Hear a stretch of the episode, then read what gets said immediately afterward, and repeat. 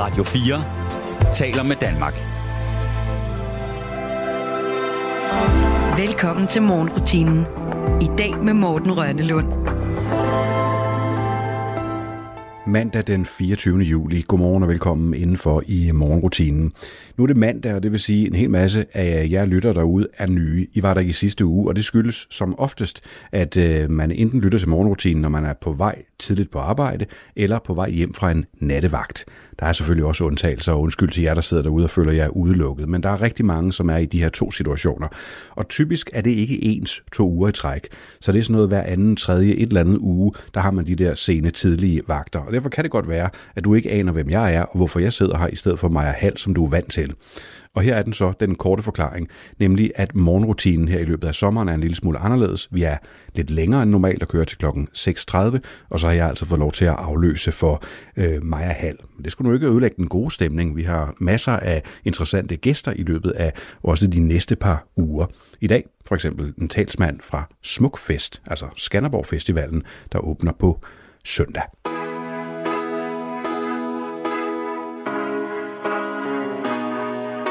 Lost at the bottom of a candy bowl. We're fresh out the rush where we found gold. Aha. Aha. You're not the type to go out on your own, and I don't have the will to be in it alone. Nah. Aha. But I'm not the marrying type. I think I should say, but love me anyway. Love me anyway. So not the marrying type, but I'd like to stay and love you anyway. Love you anyway. It's such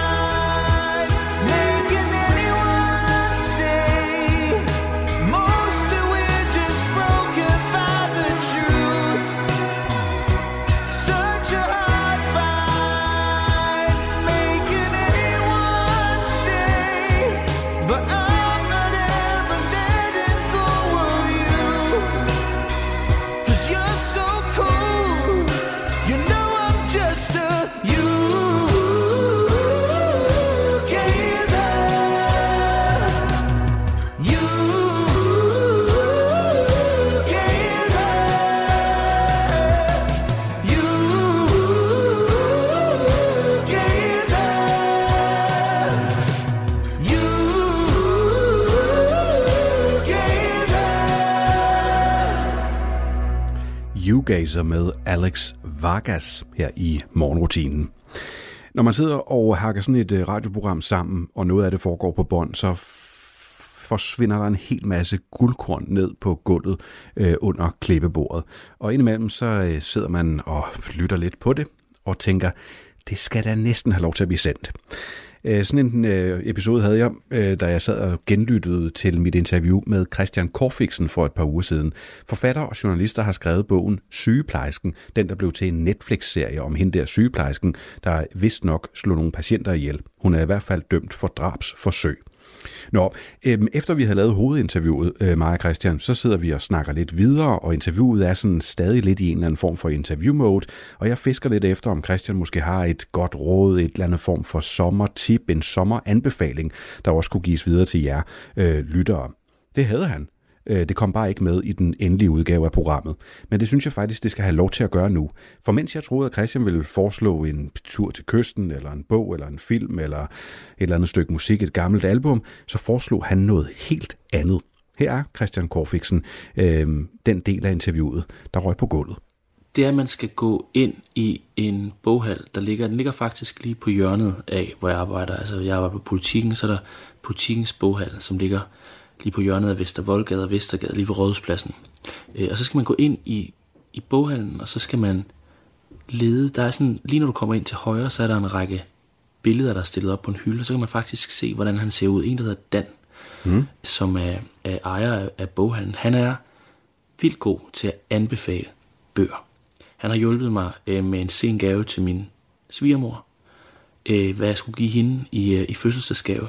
Øh, han har hjulpet mig med flere bøger, og han er der, hvor man ikke rigtig kan finde ud af, hvad man skal læse, eller man har læst noget med ham her, som man synes var fantastisk, der var en klang i det, hvem har lavet noget lignende, eller man kan også bare komme fuldstændig blankt ind og sige, at man har tre dage, man skal ligge i en liggestol, hvad skal jeg læse? Øh, så kan han give dig en bog med tilbage. Så det vil være min anbefaling, også selvom man ikke læser bøger. Til daglig så findes der altså en mand, der går rundt i Indre By, i den der boghal, der dufter dejlig af kaffe, og anbefaler gode bøger. Og til alle de mennesker, der lever udenfor, øh, så når Christian siger Indre By, så mener han København.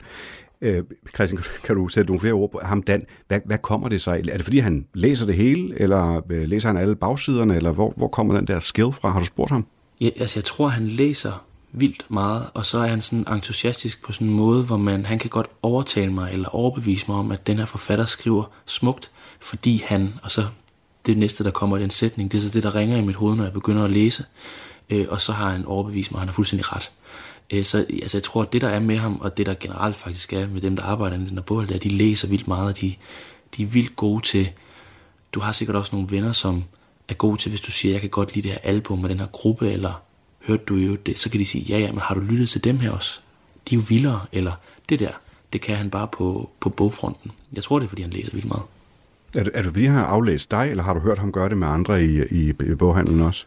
Jamen, jeg har hørt ham gøre det med andre også, når jeg... Øhm, jamen, der er jo sådan en kaffebiks nede i boghallen, hvor jeg nogle gange går ned og drikker kaffe, hvis jeg selv sidder op på etagen over, så man ikke kan få en tekst til at gå op, øh, som skal i avisen. Så, så går jeg ned og drikker en kop kaffe der, så kan jeg jo overhøre ham snakke med, med ældre damer og unge mænd og alt muligt komme ind øh, og, og stille spørgsmål. Ja, så det er ikke, øh, det er ikke kun noget, han, han har ikke kun prøvet den på mig.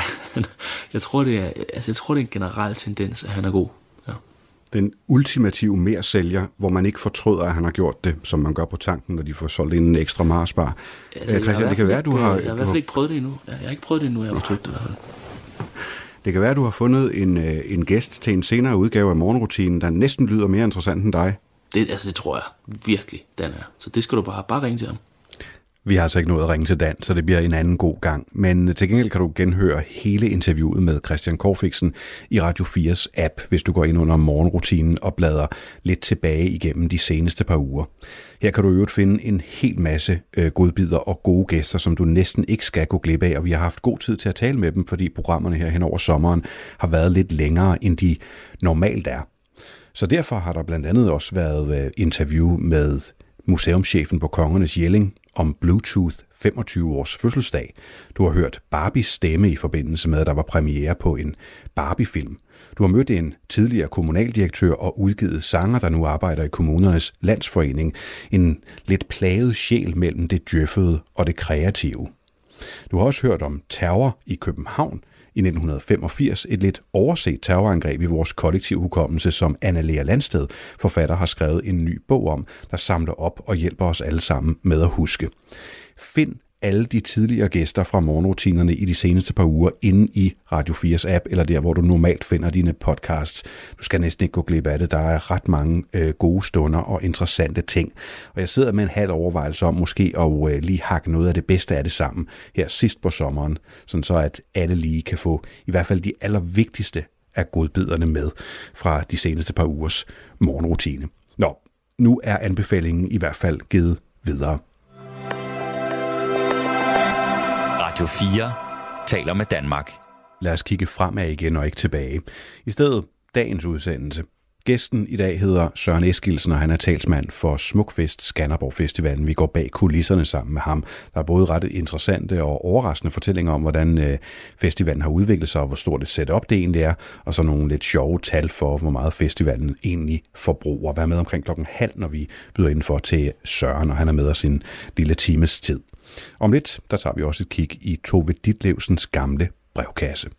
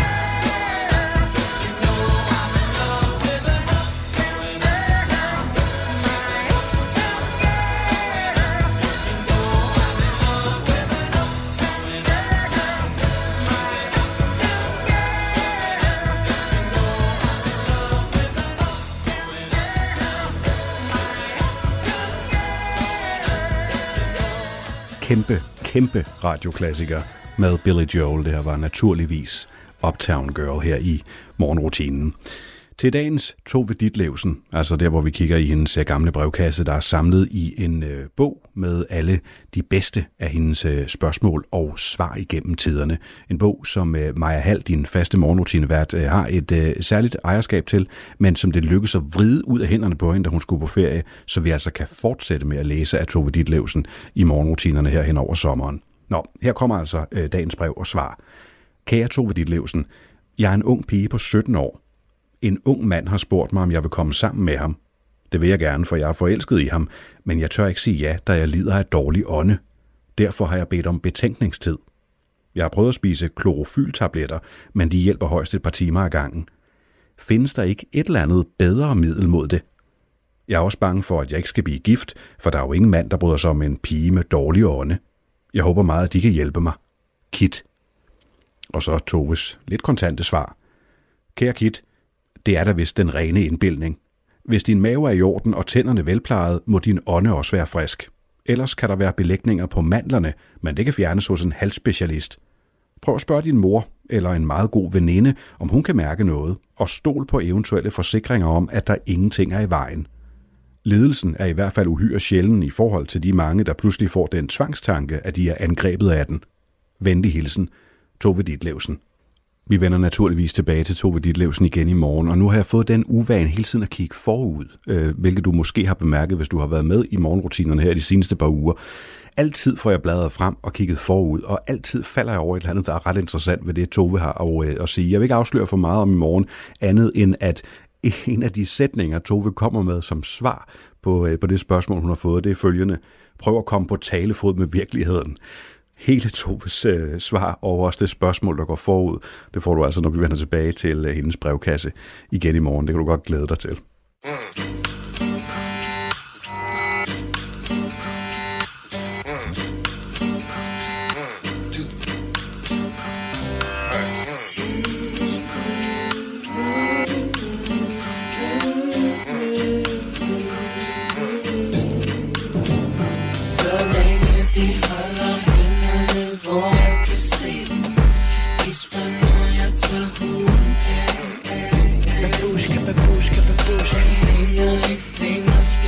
I sandhedens team Skifter ham, jeg tager huden af Indbinder bøger, hvad en binde bliver større. Bliver Pulitzer vinder siden eller før? Vil du vide, hvad jeg ved, skal du vide, hvad du gør? Lille hvid og kid med et ben ud af døren. Skrid Urimelig dygtig, jeg ligger så flygtig på beatet. Alligevel er de helt deles tryg ved min stil. Jeg har en fin følende lille død pige indeni.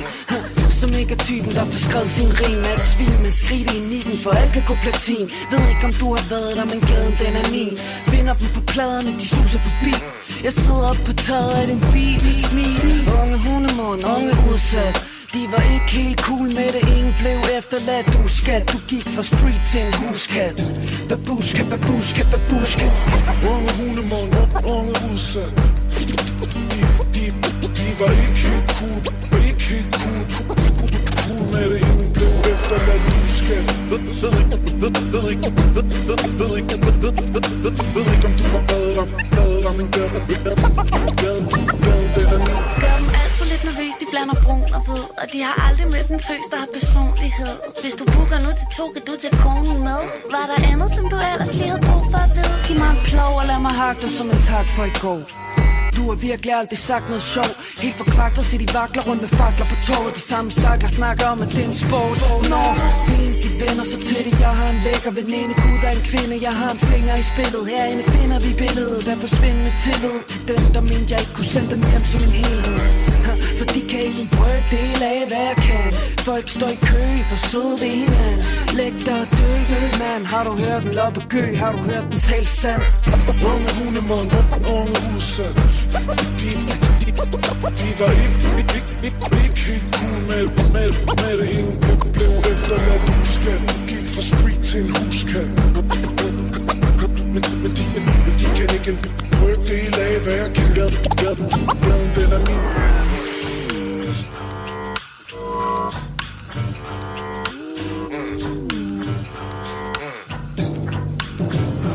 Så længe de holder hænderne, hvor jeg kan se dem.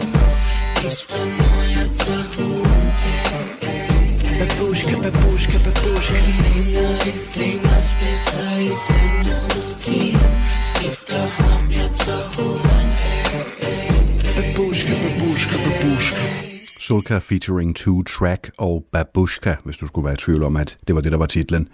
På søndag starter Smukfest. De første par dage så småt med lidt øh, små opvarmning på en enkelt øh, scene og mulighed for ligesom at finde sig til rette på festivalen. Og så for onsdag går det løs på tværs af alle scener med de helt store øh, kunstnere. Jeg sidder lige og kigger på listen over, hvem det er, der kommer og spiller på Smukfest. Og Altså, jeg er lige ved at bande, men den liste er jo så afsindig lang, at man næsten ikke øh, kan have det. Alberte, Alex Vargas, Andreas Rødbjerg, Ardi Asbestos og Shiba. Jeg er kun nødt til A'erne. Nu bladrer jeg lige lidt hurtigt ned. Christoffer kommer også. Ham, der forsvandt. Hugorm. Jakob Aksglæde. Jason Derulo kigger forbi. Johnson. Jonah Blacksmith. Så vi ikke lige bladrer lidt længere ned. Øh, kommer ingen vejen. Oland. Nick og Jay. Peter Sommer. Flake. Prisma. Prom Night. Rasmus Valder. Sasso. Savers. Nej, jeg stopper. Vi er kun nået til S, og den fortsætter dernede af. Det er omkring 200 forskellige kunstnere og optrædende og bands, hvis man tæller det hele sammen fra småt til stort. Og lige om lidt, der taler vi med en talsmand for Smukfest forud for premieren, altså åbningen af festivalen her på søndag. Men ved du hvad? Vi taler overhovedet ikke om musikken. Slet ikke. Vi skal slet ikke på scenen faktisk. Vi taler om alt det, der foregår bagved, for det er en super interessant historie. Bag ved kulisserne, altid interessant, og kan jeg løfte sløret for, også under jorden. Lyt med. Talsmand Søren Eskilsen er med lige om et øjeblik her i programmet.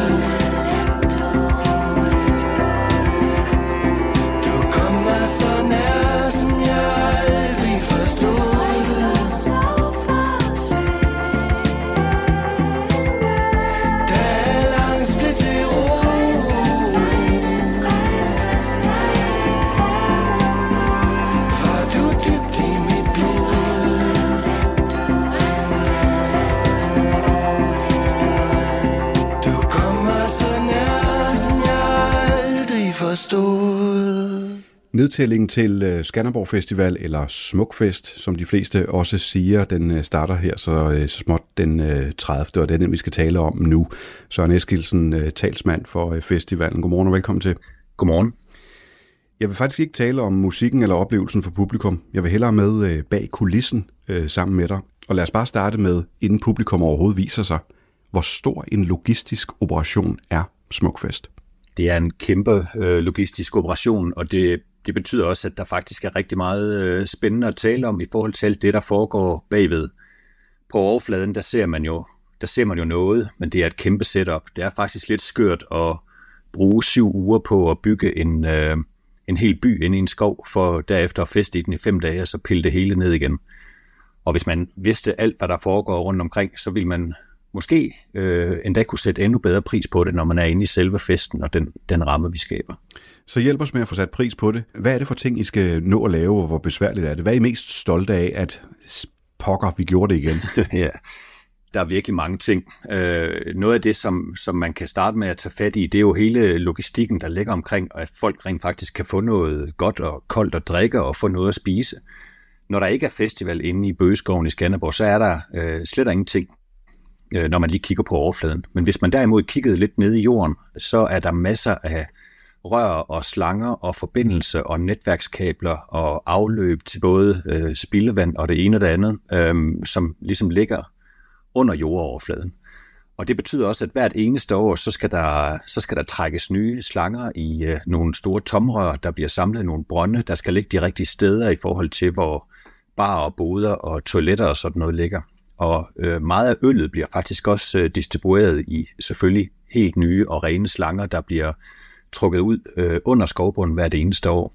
Og som noget relativt nyt, nu har vi kun haft det i et par år, det er, at øh, vi også kan lave cocktails, øh, som øh, bliver distribueret i, øh, i samme øh, system, så vi kan servere tingene hurtigere og dermed øh, få nogle køer, der ikke er så lange, som de var dengang, hvor vi skulle blande det hele i hånden.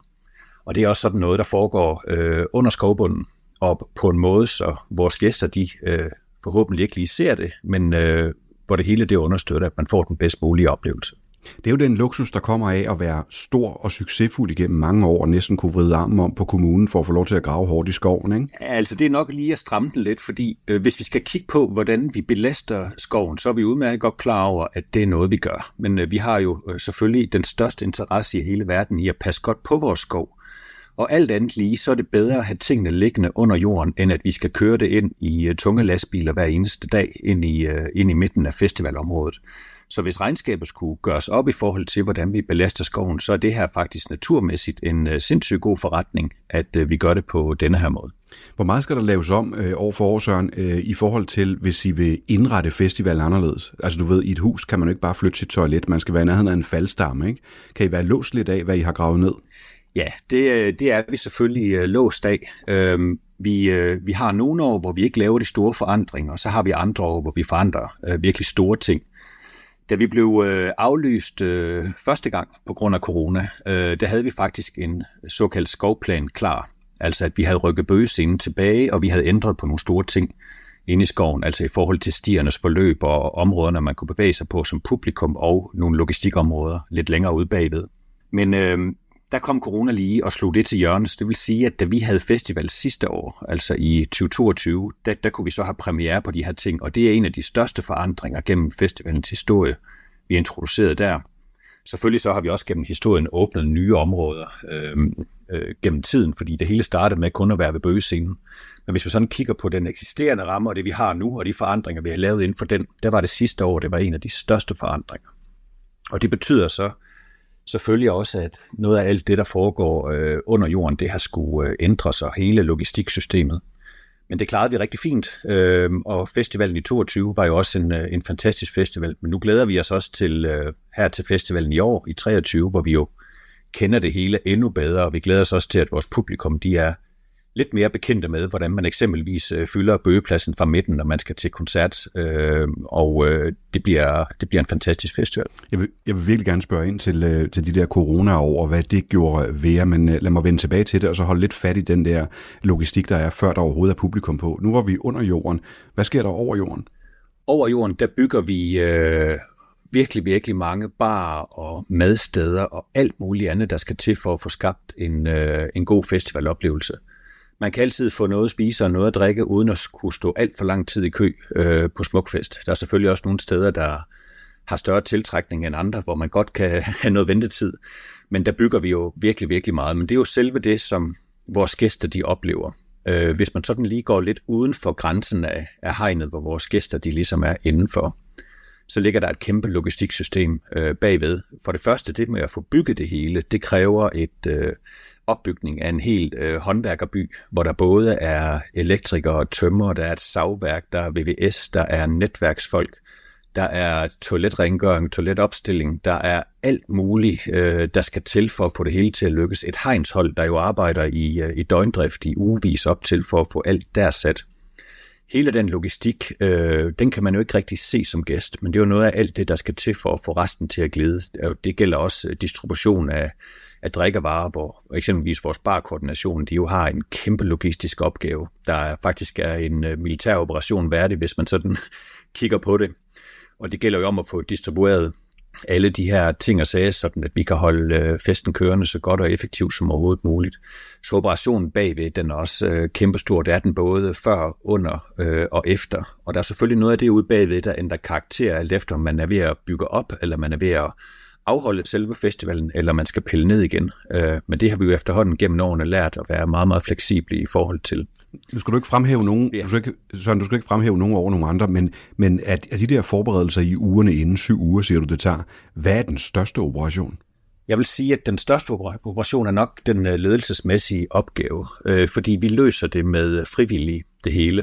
Og når man sådan kigger på, hvordan der mylder øh, hundredvis, og i, i nogle øh, weekender endda øh, et par tusind ind i skoven for at øh, bygge op, at, øh, at det kan lykkes, at hele den myretue, øh, den øh, samler sig om det her fælles projekt, og hvor vi med nogle frivillige ledere, der jo måske har nogle, nogle jobs ude i, øh, ude i det andet liv, man har ved siden af Smukfest, øh, hvor de er dygtige til nogle ting, de kan tage med ind i festivalen, eller bare gennem årene har udviklet nogle, øh, nogle gode kompetencer i eksempelvis at stille en øh, bøgescene op, eller bygge en bar, eller stå for et eller andet andet vigtigt. Det kan være at udstede øh, køretilladelser, eller være i noget administrativt arbejde. At, at det kan lykkes, at alle løber i fælles retning, og det i virkeligheden hos os er frivilligheden og den frivillige ledelse, der løser det og får det hele på plads. Øh, det synes vi er en fantastisk operation, som jo faktisk er noget, man godt kan tænke lidt dybere over, fordi når folk skal beskrive øh, festen inde i Bøgeskoven,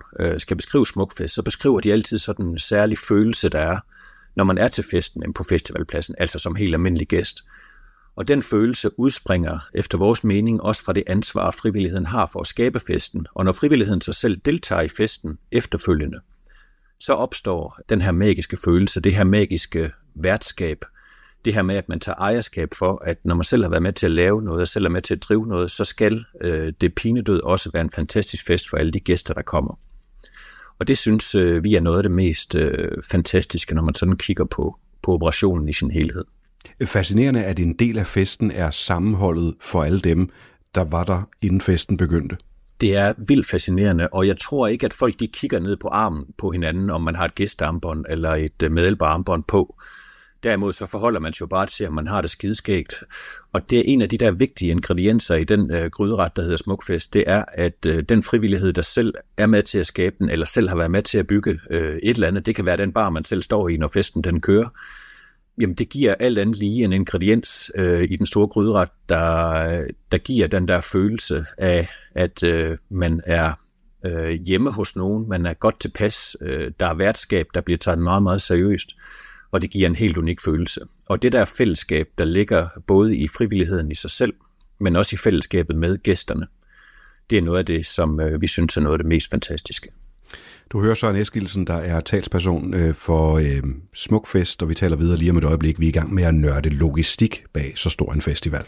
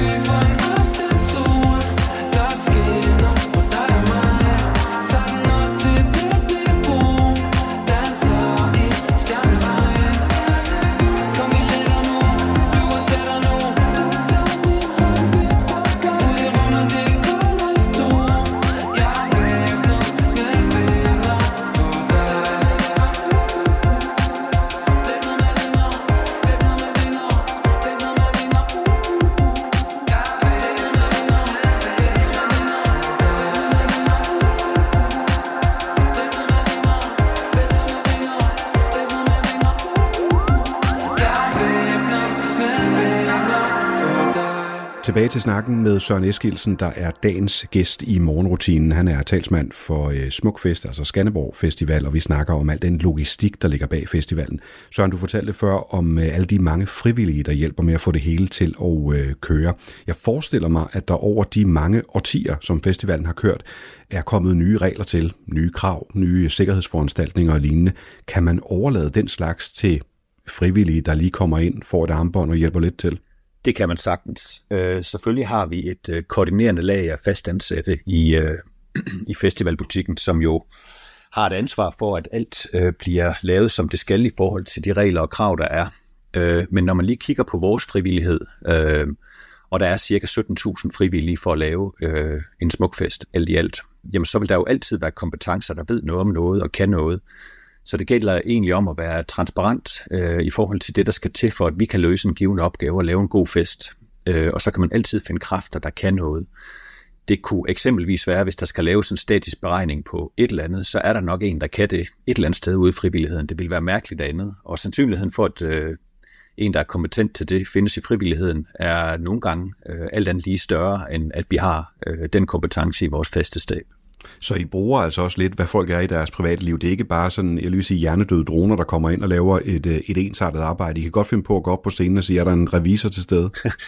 Ja, altså det er absolut ikke hjernedødt arbejde. Det er noget, vi tager dybt, dybt øh, seriøst. Der er selvfølgelig forskel på opgaver. Øhm, det, øh, der er virkelig mange, der finder god mening i at være eksempelvis øh, campingvagt eller være på trafik og give folk en god oplevelse i det. Øh, det er jo der, hvor man er værter for den gode fest og få det skabt, men der er også nogen, der har jobs, hvor det er endnu mere fagligt nørdet, kan man ligesom sige. Eksempelvis så er Apple, vi har udgivet her i år, den er produceret øh, primært af frivillige, og det gør jo også, at øh, sådan et team, øh, der er jo rigtig meget koordination og ledelse af sådan et team, men at få, at få kræfterne forløst til at få skabt et fantastisk produkt, der igen ender i lommen på øh, 10.000 vis af festivalgæster. Det er også noget af det, der siger noget om, hvad frivilligheden den kan.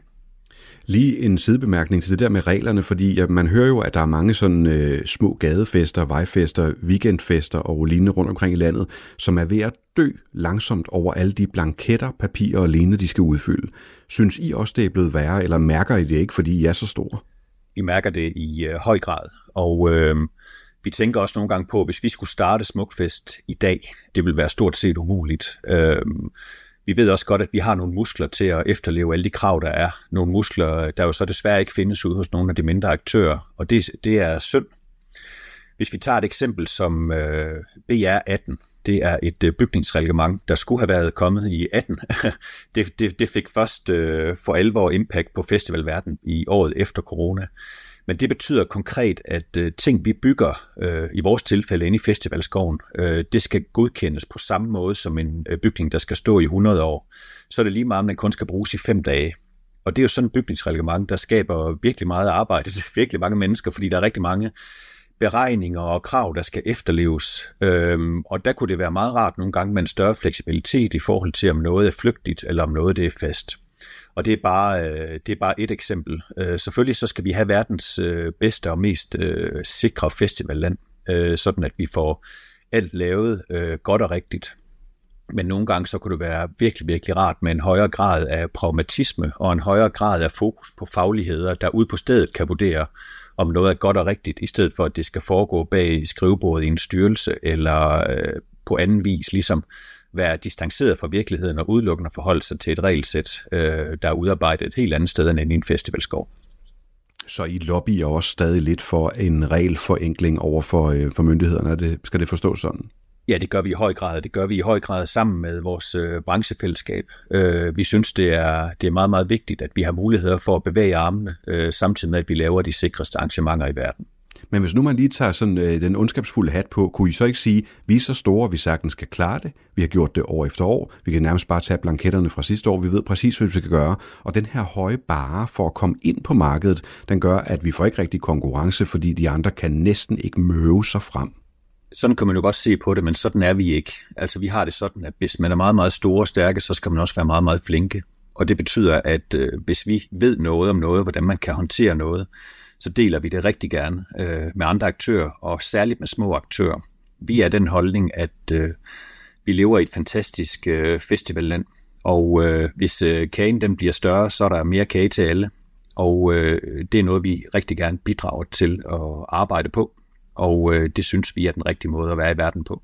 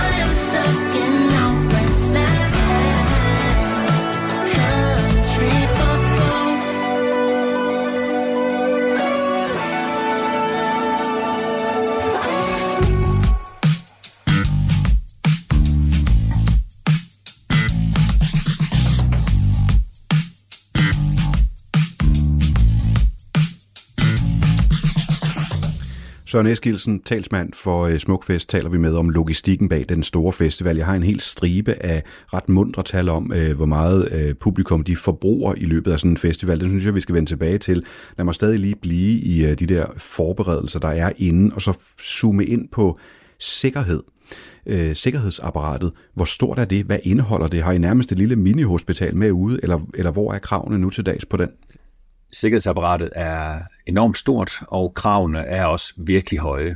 Øhm, vi har som arrangør et helt særligt ansvar for at passe godt på vores gæster, og det er jo også et arrangøransvar. Øh, alle øh, arrangører i Danmark, de tager, de tager meget seriøst, og, og man kan jo så løse det på øh, forskellige vis. Vi øh, udarbejder et kæmpe system, som myndighederne de også efterfølgende godkender. Øh, og politiet øh, eksempelvis distribuerer jo også et arrangøransvar til os, sådan at det er vores ansvar at passe øh, godt på de her mennesker. Men sikkerhedsapparatet er jo større end som så. Altså hvis vi lige kigger på selve opbygningen og alt det, der skal søges om at få lov til, øh, det er jo ligesom et stykke administrativt arbejde, som er, som er stort og omfattende. Og hvis vi så kigger på selve festivalen og hele det system, der skal til for at passe godt på folk, jamen så har vi et meget, meget øh, kompetent og omfattende apparat. Det gælder øh, lige fra øh, de synlige vagter, der måtte være til stede ude blandt publikum, så man altid føler sig føler sig tryg og har nogen at henvende sig til, hvis der er noget, der sker noget, der ikke lige er, som det skal være. Og det er sådan ligesom over på øh, vagt- og, og service-siden, at øh, den ligger. Øh, så hvis vi kigger på det mere sundhedsfaglige system, så er der på hver scene et øh, sceneberedskab med læger og overlæger og anestesisygeplejersker og you name it i forhold til det, der skal til for at passe godt på øh, folk. Og øh, så er der et kæmpe apparat bagved af af øvrigt øh, sundhedsfagligt personale. Eksempelvis har vi en, øh, en stor, velfungerende skadestue inde i Bøgeskoven, der er nærmest et minihospital, og vi har det samme i lidt mindre skala ude på Kærligheden, vores største campingområde, der jo også er besat af, af både normalt fagligt uddannet personale, men hvor vi også har frivillige, der er uddannet på højt niveau. Eksempelvis er skadestuen på Kærligheden bemandet af af frivillige personale fra øh, Event Safety, der er et fælles selskab, vi har sammen med Muskelsvindfonden, og her uddanner vi øh, helt op til paramedicinerniveau på frivillig basis. Så det vil sige, at man kan være tømmer, eller hvad ved jeg, ude i øh, privatlivet, men så kan man øh, gå til øh, sikkerhed og beredskab, øh, og dermed øh, være med til at udvikle sig fagligt inden for det, at være med til at skabe nogle sikre arrangementer hos os. Altså tydeligvis er reglerne og jeres indsats for sikkerheden øh, steget. Er det også blevet sikrere at gå på Dansk Festival her under jeres i de senere øh, årtier, eller er publikum også blevet, jeg vil sige, vildere? Ej, jeg vil nok sige, at øh, der, der er nogle ting, der har ændret sig kraftigt. Altså øh, tidligere, der var sikkerheden nok alt andet lige mere reaktiv. Altså man hældte øh, masse mennesker ind i et øh, festivalområde, og så hvis der skete noget, eller var på vej til at ske noget, der var så tydeligt, at man kunne se det øh, med sine egne øjne, så handlede man i forhold til det. I dag der er begrebet, øh, altså man kan sådan dele det i to. Man har, øh, hvis vi skal lige tage de engelske termer, så har man sådan crowd control, altså det, man kontrollerer og gør noget reaktivt, hvis noget er på vej. Og så har vi crowd safety management, altså at man forebygger og guider og nudger og sådan noget, som er ligesom øh, det andet ben. Og der har det andet ben øh, fået en, øh, en kæmpe øh, fremmarsch de senere år, for også fordi det er nødvendigt og rigtigt, og den rigtigste måde at gøre det på. Men hvis man sådan kigger på vores festivalskov, så går det meget ud på at guide folk til at få sikre oplevelser og trygge oplevelser og øh, gode oplevelser. Øh, det vil sige, når vi guider folk ind til at fylde vores øh, sceneområder i dag, så gør vi det med store skærme, hvor vi siger, gå denne vej, der er god plads, øh, hvis vi for eksempel kan se, der er ved at være lidt for meget trængsel et sted. Øh, vi bruger også øh, vores, øh, vores gode frivillige kræfter meget mere aktivt på at, på at guide og få, øh, få skabt de her gode oplevelser. Og så er der en stigende bevidsthed inde i vores øh, gæsters hoveder på, at øh, en arrangør øh, har en, øh, en god og øh, og fornuftig tilgang til det her med at få guidet mig som individ til at få en øh, god festivaloplevelse. Så det betyder også, at man alt andet lige øh, lytter mere til det, der bliver sagt, og ligesom lader sig flyde med øh, i den strøm, vi ligesom forsøger at skabe i forhold til, at eksempelvis vores sceneområde bliver fyldt godt og effektivt og jævnt fordelt, sådan at der ikke er for mange mennesker et sted. Siger du, at vi dermed også er blevet bedre festivalgæster, passer bedre på os selv og hinanden? Ja, jeg synes altså, det går jo op og ned gennem tiderne, øh, men øh, det vi oplever hos os, det er, at folk tager enormt meget ansvar for hinanden. Tager enormt meget ansvar for at passe på hinanden, og hvis nogen øh, er i en tilstand eller er udsat for noget, der ikke er, der ikke er okay, jamen så bliver der taget enormt meget ansvar for at få øh, den rigtige hjælp frem og få øh, hjulpet hinanden. Og der har også, hvis vi sådan skal prøve at, at, at kigge lidt på generationerne i det her, så er vi jo en festival, der er kendt for, at generationerne mødes på tværs.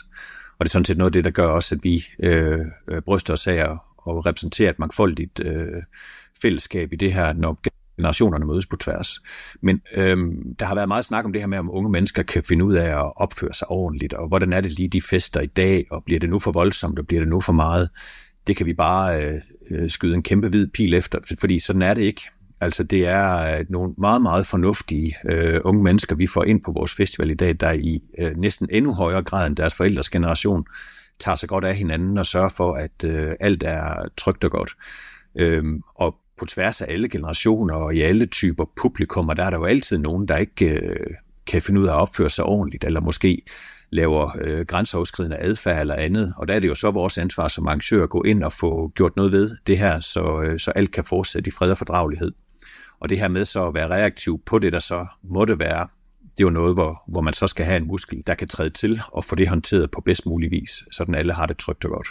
Søren Eskilsen, talsmand for Smukfest. Vi er slet ikke færdige med at tale om logistikken bag den store festival, og især nogle af de ret mundre tal, der kommer frem, når man begynder at tælle op, hvad sådan en festival egentlig forbruger i løbet af sine fem dage. Lyt med, der er mere med Søren Eskilsen lige efter nyhederne, og de kommer om et øjeblik. Først er der musik fra Dua Lipa. If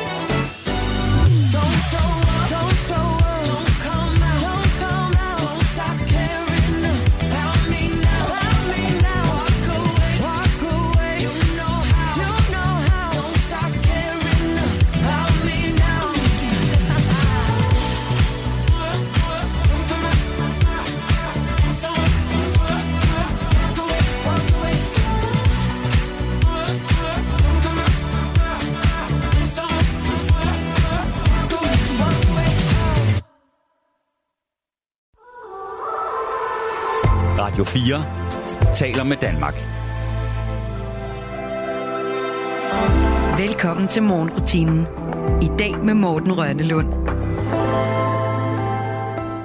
Dagens gæst i morgenrutinen er Søren Eskilsen, der er talsmand på Smukfest, altså Skanderborg Festivalen, der starter her den øh, 30. Øh, Der er nedtælling godt i gang, og man er allerede godt i gang med at sætte op. Det tager syv uger, fortalte Søren øh, lidt tidligere i vores snak. Søren, al den her, øh, jeg lige vil sige, svulmende størrelse på sikkerhed, på setup, på ting, der er gravet ned i jorden og lignende, tager det noget af sjælen fra den oprindelige festival, at det er blevet så, jeg, jeg, lige vil sige, industrielt? vi kæmper altid hårdt for at opretholde og bibeholde sjælen. Altså det, som er øh, altså ildsjælens arbejde, og det her med, at alt det kan lade sig gøre. Men øh, det gælder om at tilpasse sig de ændrede vilkår, der er, fordi øh, vilkårene forsvinder ikke. Altså de rammevilkår, vi arbejder under, de er, som de er. Vi kan selvfølgelig altid forsøge at påvirke dem, men øh, der gælder det om at få den her sjæl og, øh, og det her, hvordan noget var engang, få det bedste af det med ind i de ændrede vilkår. Og det betyder også, at øh, selvom der kommer noget med, at man eksempelvis skal lave øh, højere grad af statiske beregninger på et eller andet, eller hvad ved jeg, som er noget af det, der kommer med de ændrede krav, der gælder det om at få den, den sjæl med ind i det. Og øh, det, som måske er det mest udfordrende i, hvordan øh, den, den der sjæl, den ligesom kan opretholdes i dag, det er selve anarkiet. Altså det, som, det, som var øh, anarkiet, og vi gør det sgu bare øh, for øh, årtier siden. Det, er det, det er der jo noget med i dag, det kan man ikke bare, fordi nu er der en regel for det. Det var der måske ikke for 30-40 år siden, for det her, der gjorde man det jo bare.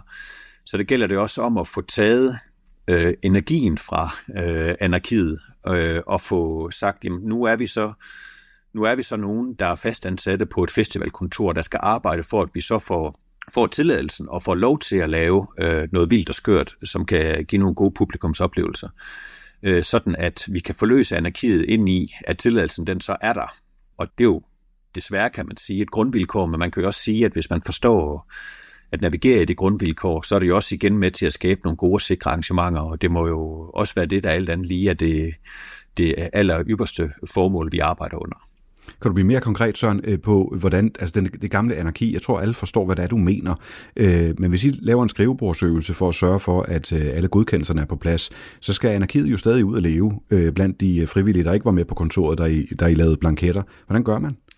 Jamen, det gælder om at få en, øh, at der skal være en, en, en, en god form for transparens ind i processerne. Og det vil sige, at øh, jeg, der har fået den her skøre idé, der gerne vil det her, I skal bare lige huske på, at vi har altså lige brug for et par måneder til at få tilladelserne rigtigt på plads. Det er en meget vigtig øvelse, at man ikke bare siger øh, øh, lige pludselig, øh, nej, det kunne vi ikke alligevel, og så ikke fortæller hvorfor. Fordi øh, så dør baby, og så mister man troen på, at noget det kan lade sig gøre i fremtiden. Men øh, en særlig ting, jeg også gerne vil fremhæve, det er vores samarbejdsmodel med øh, Skanderborg Kommune. Fordi det, som vi har hos os, det er, at der er en person fast fra kommunen, der ligesom også er med i det kreative arbejde. Det er en person, hvor, hvor vi er trygge ved, at han kigger ind i det kreative øh, maskinrum, og det betyder også, at han kan rejse et flag øh, ret tidligt i den her proces og sige, ah, hør lige, hvis I lige drejer lidt på knappen sådan her, lægger den der i stedet for, så den er uden for en søbeskyttelseslinje, eller husk lige, at I skal få lavet den og den ansøgning, eller den og den beregning, for at det her det kommer til at kunne lade sig gøre. Så ved vi det tidligt, øh, og så behøver det ikke at være noget, øh, hvor et endeligt nej eller et endeligt ja, det først kommer for sent i processen, i forhold til, at, øh, at anarkiet øh, ligesom bliver udfordret. Nu klinger anarki, det kan også klinge lidt negativt, men det er jo, det er jo, det er jo vildskab. Det er jo det her med at, at lave noget, noget nyt og skørt, som ingen har lavet før, som kan give, øh, give nogle gode oplevelser. Ja, jeg tror, du, Så der er det jo... Ja, jeg tror, du fik koblet det meget godt med, at øh, anarki, det var i den her øh, forbindelse energi og, øh, og ildsjæle. Den der kommunestilling, øh, er det ikke sådan lidt nedturstilling at være ham fra kommunen, der indimellem siger, husk reglerne? Altså nu er det jo ikke nedtur at komme fra kommunen og sige, husk reglerne, men øh, jeg, jeg tror faktisk, at det er vores opgave at få, øh, at få talt om det her, som at sige, okay, den regel, den findes. Øh, og øh, det er jo ikke nedtur, øh, når man får noget at vide øh, tidligt i et, øh, i et forløb, så bliver det jo noget meget, meget positivt. Og ja, det er da ikke øh, fedt at være lyseslukker og skulle sige, øh, husk reglerne. Men øh, det kan man i vores verden godt have det øh, rigtig skægt med, øh, trods alt, når der man sidder i den kreative proces.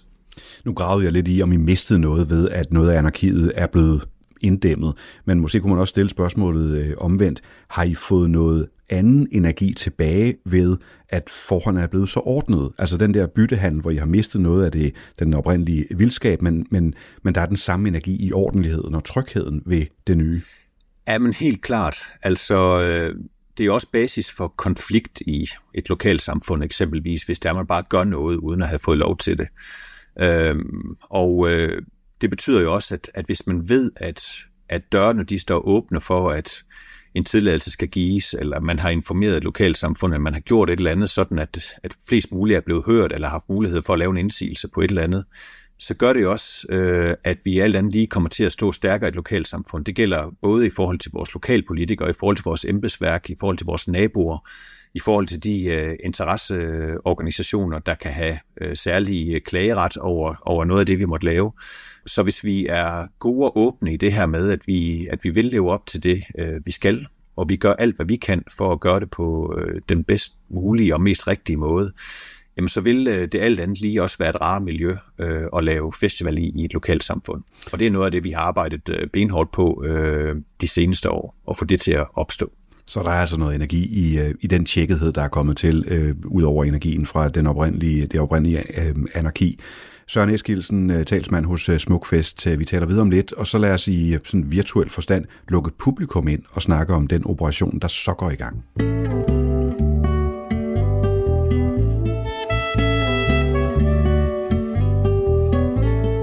Öppna upp ditt fönster, slå upp din dörr Släpp in ljuset och din älskling, låt allting bli som förr. Låt honom veta, än finns en väg tillbaks. Låt honom veta att han är den enda du vill ha. Visst kan du välja att bryta nu. Men han finns alltid där i ditt hjärta och det vet du Så varför inte låta honom vara där? Håller kär Öppna upp ditt fönster, slå upp din dörr. Släpp in ljuset och din älskling, låt allting bli som förr. Låt honom veta, än finns en väg tillbaks. Låt honom veta att han är den enda du vill ha.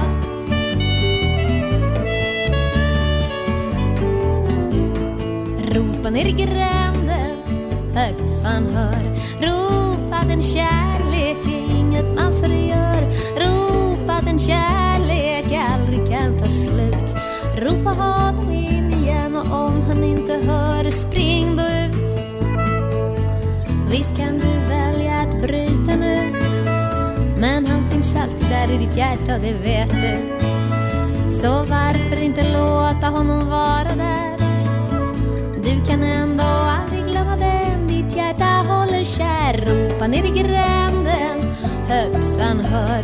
Ropa ropat en kärlek inget man förgör Ropa en kärlek aldrig kan ta slut. Ropa honom in igen och om han inte hör. Jag säger om han inte hör spring då ut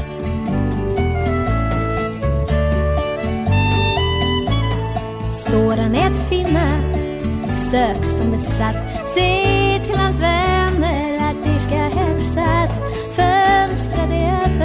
dörren står på glänt. Att vad som än händer är han alltid det finaste som hänt. Visst kan du välja att bryta nu Men han finns alltid där i ditt hjärta och det vet du. Så varför inte låta honom vara där?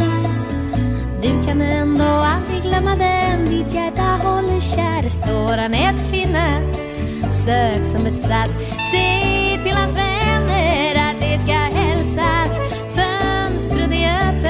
dörren står på glänt. Att vad som än händer är han alltid det finaste som hänt. Öppna upp ditt fönster Slå upp din dörr. Släpp in ljuset, låt allt bli som förr. Låt allt bli som förr. Ropa ner i gränden, ropa högt så han hör. Ropa att kärlek inget man förgör Nej, det inget gör. Öppna upp ditt fönster, slå upp din dörr. Släpp in ljuset och din älskling, låt allt bli som förr.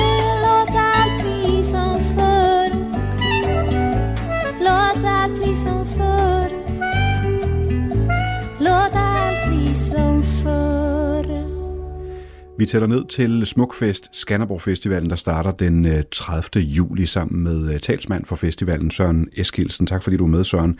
Øhm, Jeg sagde lige før, at vi skulle lukke publikum med ind, og, øh, og så snakke om den logistiske operation, der kommer i sving, når publikum er der. Du har nævnt lidt af det i forvejen, men prøv alligevel at tegne et billede af, hvad er det, der sætter sig i bevægelse, når først I åbner pladsen? Det er et kæmpe system, og øh, det, der er sat i bevægelse, det er jo absolut ikke kun øh, pladsen. Det gælder i hele systemet på, når folk de øh, ankommer. Det er alt i forhold til busser og offentlig transport, øh, parkeringspladser, øh, vores shuttlebusser, øh, campingområderne, de veje og stier, øh, folk bevæger sig på, vores, øh, vores indgang øh, og gates rundt på både camping og på pladsen. Og så er det selve den operation, der foregår inde i skoven, når 10.000 vis af mennesker skal bevæge sig rundt på den festivalplads, der måske er Danmarks mest øh, komplekse, fordi øh, alt går op og ned, og der er træer over det hele, og der er smalle passager. Så det er en øh, virkelig stor øh, operation, der sætter sig i bevægelse, hvor der både er et, øh, et stort apparat bagved, altså et decideret kontor, hvor vi med, øh, med skærme og dygtige mennesker kan, øh, kan styre hele operationen fra, og så er der noget, der skal ske derude i virkeligheden, øh, hvor eksempelvis den, øh, den frivillige øh, på crowd safety holdet skal, skal guide folk godt på plads, eller sørge for, at alle har det trygt og godt. Er det sjovere at være sammen om at forberede festivalen i syv uger, end at udføre festivalen i fem dage? Øhm, jamen det kommer jo måske lidt an på, hvad det er, du laver. Altså vi, øh, hvis vi lige kigger på, hvad er egentlig vores øh, selve slutproduktet, altså der, hvor klimaks sker på hele vores operation, øhm, så ser man jo effekten af, af al planlægning, når det er det hele, det skal ske inde i skoven. Og der kan jeg da sige øh, personligt, øh, der nyder jeg jo, når det hele går op i en højere enhed, og alt det klapper, øh, men nyder selvfølgelig også, hvis noget ikke klapper helt som det skulle, at vi kan lære noget af det og gøre det endnu bedre næste år. Men jeg tror da også, der er nogen, der har det lidt bedre øh, bag kulissen og planlægge og tænker, at uh, nu skal det også bare lige overstås, det der skal ind i skoven. Men jeg tror, at det er et fortal, og uanset hvad, så er det altid dygtige mennesker. Vi er jo bare lidt øh, forskellige i forhold til, hvordan vi er til stede i verden. Jeg spørger, fordi at øh, der, der jo kan være noget lukket fest over, øh, når, når sådan grupper finder sammen og er fælles om et eller andet. Og når man er fælles om noget i syv uger, så sætter det sig vel dybere end det, man er fælles om i fem dage. Så det er måske der, jeg tænker, at ja. kan der komme en skævhed, hvor alle de frivillige og dem, der har med festivalen at gøre, de er ligesom deres egen fest. Øh, selvom du sagde i starten, at de bare bidrager til festen. Jamen det er rigtigt. Altså jeg, jeg kan da også tænke på nogle, øh, nogle rigtig gode frivillige, vi har, der nyder at være ude i skoven i syv uger og, og lever deres liv her og har hele deres liv og identitet i, uh, i smukfestverdenen, som ikke bevæger sig særlig meget ud på pladsen, Hmm. men sidder der bagved og har en fantastisk oplevelse, og det synes vi er mere end okay, fordi det skal der også være plads til. De kan jo lige så godt sidde og nyde frugten af deres gode arbejde, mens de sidder ved et bord ude i bagområdet og drikker kaffe af termokanden eller får en kold øl, øh, som at de kan nyde det, mens de går rundt inde på pladsen. Det er jo op til øh, individet selv, øh, hvordan man lige ser det, og jeg tænker, vi har alle typer hos os. Men alt andet lige, så er der selvfølgelig flest, der nyder at nyde frugterne af deres arbejde ved at, ved at være på pladsen og nyde stemningen. Noget, der virkelig kan illustrere, hvor stor en operation det er, det er jo at zoome ind på forbruget. Altså, hvor meget forbrug og så og så mange mennesker, der kommer igennem. Øh, for eksempel et fascinerende tal som øh, 3 millioner meter toiletpapir. ja, det er jo meget. Eller, præcis. Eller øh, 56 tons isterninger. Det her det er tal fra, fra 2020. Øh, du har selv været med til at gøre dem sådan øh, lidt op. Når du sådan er ude og, og skal fortælle omverdenen om jeres arbejde, for det går jeg ud fra, at der indimellem er, er grund til at altså dele erfaringer ud. Er der så noget af det her, hvor du vender tilbage til det samme eksempel og siger, at det er alligevel fascinerende, at vi skal køre 100 flasker Ferne Branca. Altså, er der, et, er der et stykke fakta, vi skal fremhæve her, som du er særlig selvimponeret over? Jamen, jeg har, jeg har to fakta, jeg gerne vil øh, prøve at fremhæve. Altså det ene, det er mængden af appelsiner, vi bruger. Altså hvor mange tons øh, appelsiner. Jeg tror, der måske står 100 tons i det stykke papir, du har. Øh, og, og det tal det er jo stødt stigende. Der er rigtig mange af vores gæster, de kender vores appelsinboder, hvor man kan få appelsinjuice og vodka, altså friskpresset. Øh, så når man lige ser tallet på, hvor mange tons appelsiner vi rent faktisk bruger hvert år, og vi skal til at gøre det op i sættevognen og paller og distributionen ind i skoven, så er det jo et helt øh, vanvittigt tal. Et andet tal, der ikke findes på listen mere, tror jeg, det var noget, øh, hvor der tidligere øh, stod øh, to kasser alkoholfri øl. Det gjorde der indtil for nogle år siden i hvert fald, fordi der var det ikke noget, folk de drak meget af. Så det var meget sjovt, når, vi, når man først har nævnt, øh, hvor mange almindelige øl og fadøl, der blev drukket, og så kan man sige, og så er jo to flasker alkoholfri, eller undskyld, to kasser alkoholfri øl. Øh, så var det jo sjovt og skægt i den kontrast. Det tal, det er jo eksploderet øh, i de nyere tiders øh, festivaler her, både sidste år og i år forventer vi endnu mere af øh, det her med at, at indtage alkoholfri produkter. Vi har også nogle leverandører, der jo leverer nogle virkelig gode produkter, så det rent faktisk smager fantastisk, men også på cocktailsiden og sådan noget, hvor vi kan lave alkoholfri alternativer. Så det er jo et af de fakta, der viser en øh, udvikling og en samfundsmæssig udvikling. Vi jo også gerne vil være med til at drive i forhold til, hvad vi har på hylden i vores bar. Jeg kan lige hjælpe dig lidt øh, her. Øh, tallene er, det er 60 kasser øl med 0% i, ud af de 212.000 flasker øl, som der er i alt. Og så er der faktisk også øh, 8 flasker alkoholfri champagne. Det går altså også. Men så har jeg lige et spørgsmål, for når jeg kigger ned over listen, er der ikke nogen, der drikker Pernod mere? øh, der, Det var på der er kun to, to flasker. Ja. to flasker. Ja, nå, men, øh, der er ikke så mange, der drikker Pinot mere, men øh, man kan jo også se, at hvis vi nu har en bar, hvor man løber øh, tør for ting, det sker jo også nogle gange af alle mulige årsager, så kan man jo også godt øh, lave, en, øh, lave en joke med, at så er det det øh, år, hvor man nu skal smage Pinot, altså hvis der nu er andet, der er udsolgt på dringsplakaten. Men det er jo så, det er jo så der, vi helst ikke skal være henne, og, og vi helst skal have lige præcis det på plakaten, som folk de gerne vil have i forhold til drikkevarer. Ja, og så er der 80 kilo mynte. ja. Jeg, fa- jeg troede faktisk, det var højere. Øh, men øh, det kan godt være, at vi lige skal have gennemtjekket de tal i år. Jeg ved i hvert fald på, på siden med de alkoholfri produkter, der vil vi se en kraftig, kraftig vækst her i år. Søren Eskilsen, altså talsmand øh, hos øh, Smukfest, Skanderborg Festival, der starter den øh, 30. Nu øh, har vi kigget på øh, logistikken bag og snakket lidt om, øh, om årets festival. Prøv at tage spåhatten på. Øh, hvordan ser fremtidens festival ud? På hvilke områder vil det udvikle sig? Får vi mere sikkerhed, flere regler? Bliver det større, bliver det vildere? Eller bliver det måske mindre, strammere, færre scener, men med helt store kunst? Altså, hvor, hvor er vi på vej hen? Jeg tror, der hvor, der, hvor vi er, er på vej hen, nok for vores eget vedkommende, men også generelt i festivalverdenen, det er jo, at der ligger mange oplevelser ved siden af musikken, når man går på festival i dag. Altså det er ikke ligesom det var i, øh, i 70'erne og 80'erne, hvor man mødte op, og så var der ligesom en række af koncerter, øh, og så pegede alt andet ligesom ind i det. Der ser vi, at der ligger så meget mere af oplevelser og alt muligt andet ved siden af. Hos os, der kalder vi det finurligheder, men det kan jo også være lige så meget på mad- og drikkesiden. Altså de krav, der bliver stillet til øh, oplevelsen, der ligger ved siden af musikken, de bliver, de bliver større og større, og vi ser flere og flere arrangører, der også bevæger sig mere og mere over i og tilbyde noget, der ser sådan ud. Og hvis vi sådan skal kigge på regelsiden lidt, så håber jeg, at vi har en stagnation. Jeg kan da i hvert fald mærke, at vi har en kulturminister, der fokuserer meget på, at vi skal have kigget på, på regelbyrden, og vi skal have kigget på rammerne, arrangørerne har at bevæge armene indenfor. Øhm, men så kan man jo aldrig vide, hvad der sker endnu længere ude i fremtiden. Lige nu fornemmer jeg i hvert fald, at der er en god politisk forståelse for, at øh, det skal være lettere at, at lave noget, og det synes vi jo er virkelig sundt. Søren, hvor ligger din grænse i forhold til, øh, at hovedproduktet på en festival er musikalske oplevelser, og en tendens, nogle steder i hvert fald, til, at det nærmest mere har, øh, har indtryk af at være en forlystelsespark? Altså, hvornår rækker du hånden op og siger, ej venner, stop, øh, nu er der for meget tivoli? Jamen, altså vores grænse øh, ligger jo faktisk ret, ret højt, kan man ligesom sige, for vi har jo historisk øh, altid haft virkelig mange oplevelser, der ligger ved siden af musikken. Musikken øh, er, er stadigvæk øh, uden tvivl vores hovedprodukt, og det er også det, vi sælger vores billetter på. Altså vi sælger ikke billetterne på de oplevelser, der ligger ved siden af. Vi kan jo godt se, når vi sætter stort navn på plakaten, så ryger de sidste dagsbilletter på den dag. Og det er også det, øh, der skal være sådan i fremtiden. Så vores grænse ligger højt, men jeg tror mere, at det gælder om at se det som, at vi skal blive ved med at fokusere på musikken, og så kan det, jo mere vi, vi, vi fokuserer på alt det, der ligger ved siden af, så skal vi bare for, forholdsmæssigt øh, have lige så meget på musikken.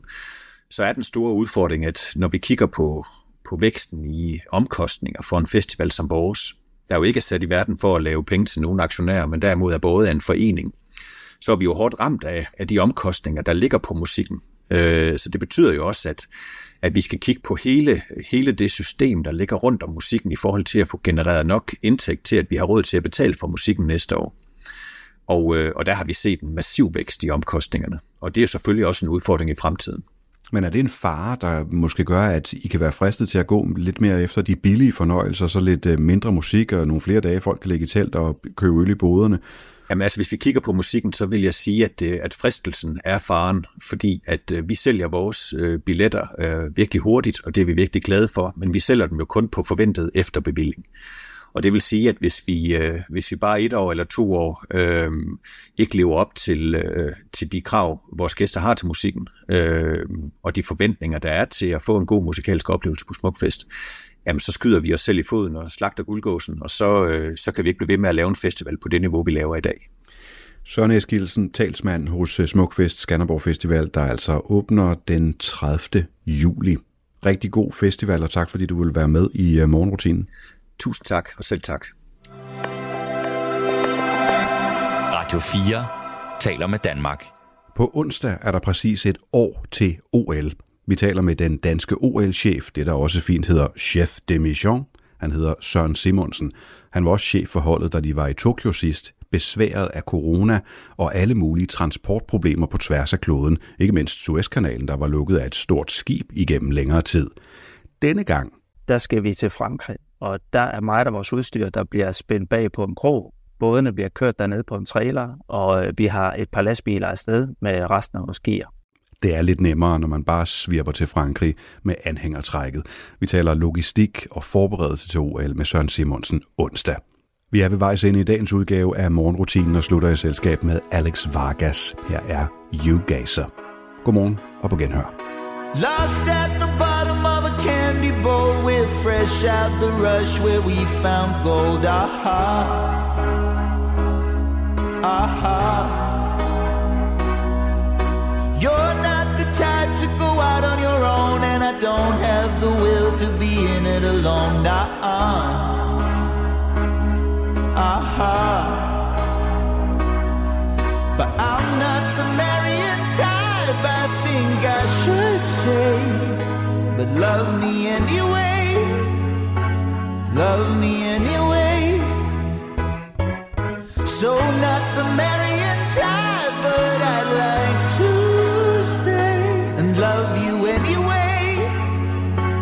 love you anyway. It's such